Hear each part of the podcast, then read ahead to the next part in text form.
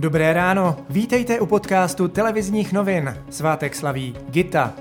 Dnes bude převážně oblačno až zataženo. Na jeho západě očekáváme vydatné srážky. Hrozí dokonce zvedání hladin toků v horním povodí řeky Vltavy, kde platí povodňová pohotovost. Teploty se odpoledne vyšplhají na 18 až 22 stupňů Celzia. V desítkách měst po celé republice včera demonstrovali tisíce lidí. Organizátoři ze spolku Milion chvilek kritizují vládu za postup v době epidemie a poukazují na údajný střed zájmu premiéra Andreje Babiše.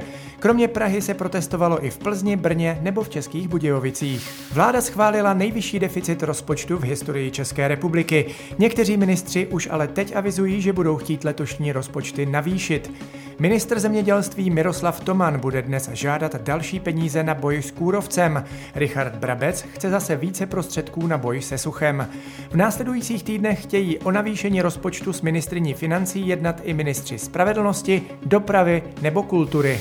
Kriminalisté vyšetřují včerejší tragickou nehodu ve Slaném na Kladensku. Do zastávky, na které stálo několik lidí, najel autobus. Při nehodě přišel o život malý chlapec. Další tři lidé byli zraněni. Svědci události situaci popsali takto. Koukám, co se děje, mluvím s tím řidičem, on říká, že se mu zasek plyn. Nevím, jestli se pan řidič stačil přezout, nebo nevím, jo, ale viděl jsem ho tady běhat v pantoflích a myslím si, že tedy jako Řídit z povolání, řídit v pantoflích, to nevím, nevím teda. Jednou z vyšetřovacích verzí je i technická závada. U šoféra policisté provedli dechovou zkoušku. Testy měl negativní.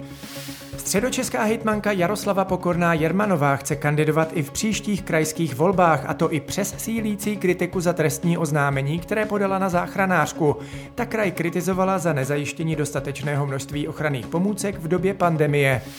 Amerika se rozloučila s Georgem Floydem. Soukromý pohřeb se včera konal v texaském Houstonu. Poslední s Bohem mu před kostel přišli říct tisíce lidí. Smrt 640-letého muže tmavé pleti vyvolala největší protesty v USA za uplynulá desetiletí. Vědci odhalili pozůstatky románského města, lázeňský komplex, trh, chrám a dokonce i rozlehlou síť vodovodů.